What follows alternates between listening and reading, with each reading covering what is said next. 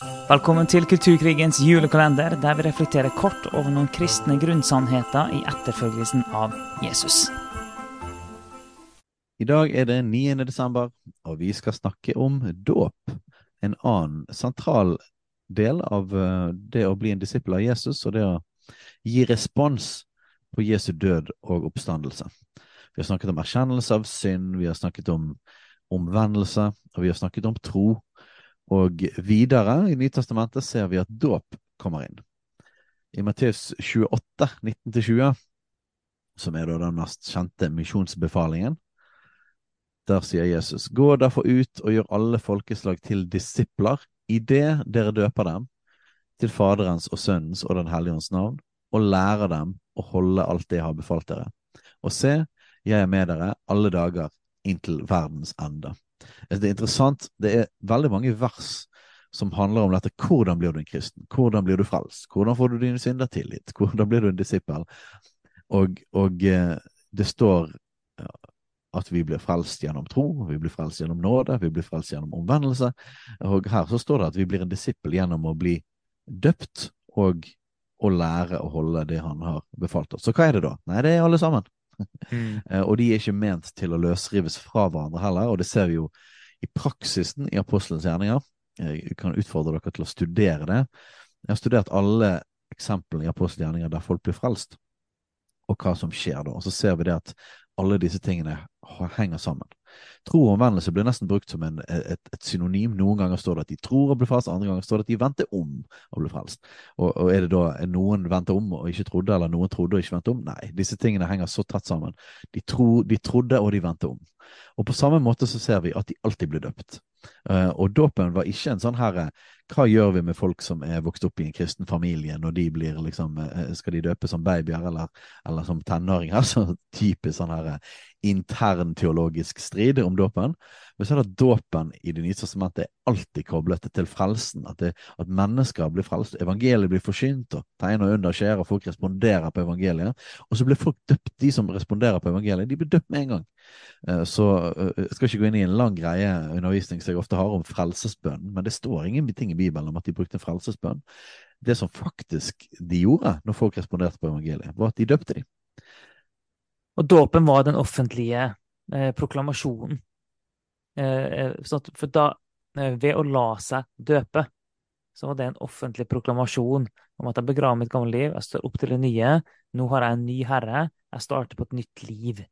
Og det var en proklamasjon til alle som så at nå har det skjedd noen ting her.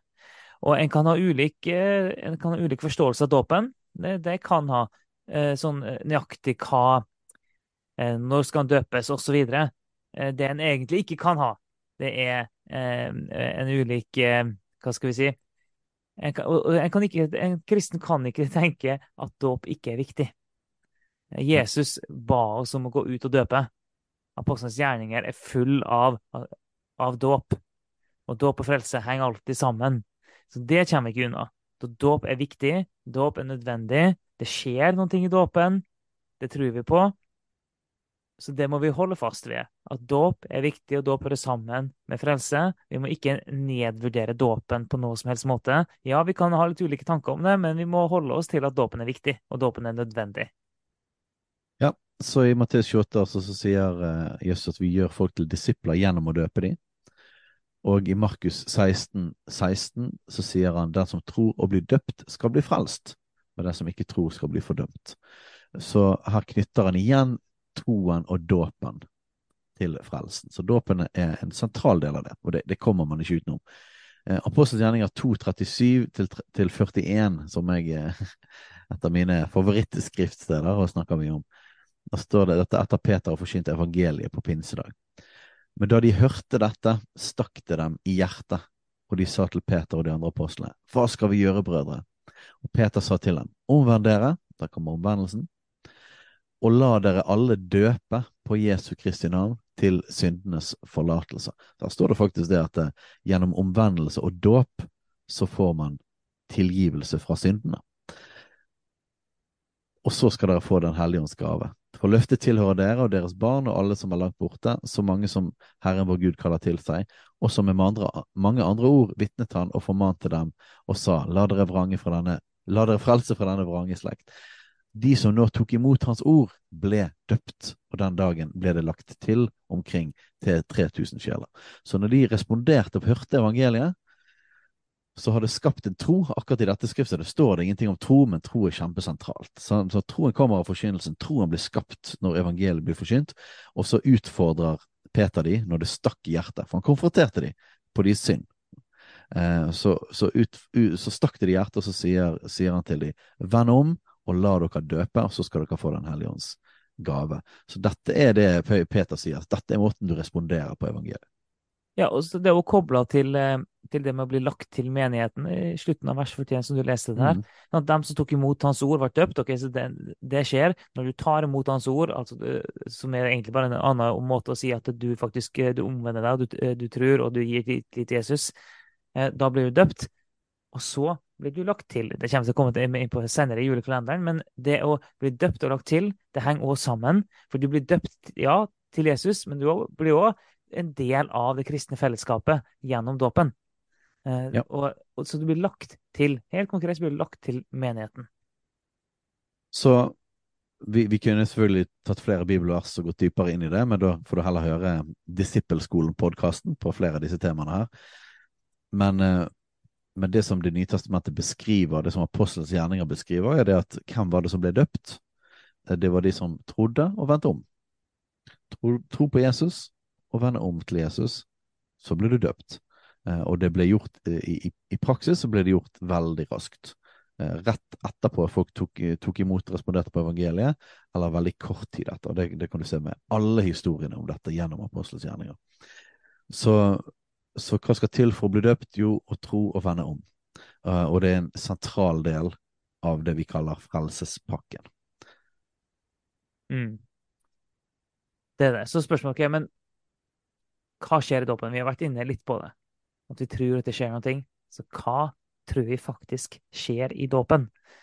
I rombrevet så har vi en lengre passasje som er inne på det. Eh, hvor Paulus skrev at vi som er døde fra synden, hvordan skulle vi ennå leve i den? Eller vet dere ikke at alle, som, alle vi som ble døpt til Kristus Jesus, ble døpt til hans død? Vi ble altså begravet med ham ved dåpen til døden, for at liksom Kristus ble reist opp fra de døde ved Faderens ærlighet, så skal også vi vandre i et nytt liv. For er vi blitt forenet med ham ved en død som er lik hans død, så skal vi også bli det ved en oppstandelse som er lik hans oppstandelse. Vi vet at gamle mennesket ble korsfestet med ham for at syndelegemet skulle bli tilintetgjort, så vi ikke lenger skal være slaver under synden, for den som er død, er rettferdiggjort fra synden. Men døde vi med Kristus, da tror vi også, da tror vi at vi også skal leve med Han. Så vi tror at, vi, eh, at dåpen er et bilde, mer enn bare et bilde, vi tror det skjer noe reelt òg, men at vi dør med Kristus, og vi står opp igjen med Kristus. Så kan en spørre seg men hva betyr det i praksis. da? Vi har ikke tid til å gå langt inn i det i denne julekalenderen. her. Jeg vet ikke om du vil si noen avsluttende ord på det, Steinar? Ja, jeg tenker, kan jeg få si at det er et skifte av identitet. Altså det gamle livet er Den gamle oss ble drept og begravet. Uh, og vi får et skifte i identitet. Vi er ikke lenger slaver under synden. Vi er ikke lenger Vår identitet er ikke lenger det at vi er syndere. Ja, vi kan falle i synd, og vi vil fortsatt trenge Guds tilgivelse, men vi er ikke lenger slaver under synd. Det er ikke lenger vår identitet. Vi er nå døde, og så er vi korsfestet med Han, og så er vi oppreist til et nytt liv. Og i dette nye livet så beskriver altså Romerbrevet kapittel 6 om at vi skal kunne At vi har kraft til òg å seire over synd. Mm. Uh, ja, vi vil trenge tilgivelse fortsatt, men, men uh, Romane 6 beskriver et, et, et, et skille i dåpen der vi altså er nye mennesker, har en ny identitet. Jeg er nå en etterfølger av Jesus. Jeg, jeg, har et nytt liv sammen med han. Jeg, eh, jeg, er nå kalt rettferdig, jeg er kalt hellig. Jesus, Paulus skrev jo til, til de hellige Korint og de hellige Roma og de hellige her og der, så vi har fått en ny identitet. Og det interessante er at hvis du leser uh, Korinterbrevet, så ser du at uh, disse som blir kalt hellige, de kunne ha litt av hvert av problemer, så de trengte definitivt Guds nåde fortsatt. Men de hadde likevel fått en ny identitet og de, var, de ble kalt hellige. Så, så dåpen handler mye om å, å, vende seg vekk ifra. Det er en fortsettelse for omvendelsen. At, at, jeg snur vekk fra det gamle livet. Og så er dåpen et slags brudd, et slags kutt med det gamle livet i synd. Og det viktige, det viktige det du sa på slutten her, at dåpen er et brudd med det gamle livet. Det var det jeg tenkte jeg hadde lyst til å si helt til slutt òg. At du får faktisk begravd ditt gamle liv. Det henger ikke lenger ved deg. Du får begravd det. Du får lagt det vekk. Nå kan du stå opp til noe nytt. Og det er et, det er et klart brudd. Ditt gamle liv er dødt. Og det er en enorm frihet i det, og en frihet i dåpen. Fantastisk. Så dåpen er enda en av disse utrolige gavene, og måtene vi òg kan respondere på og ta imot det Jesus døde. Det Jesus gjorde i sin døde oppstandelse.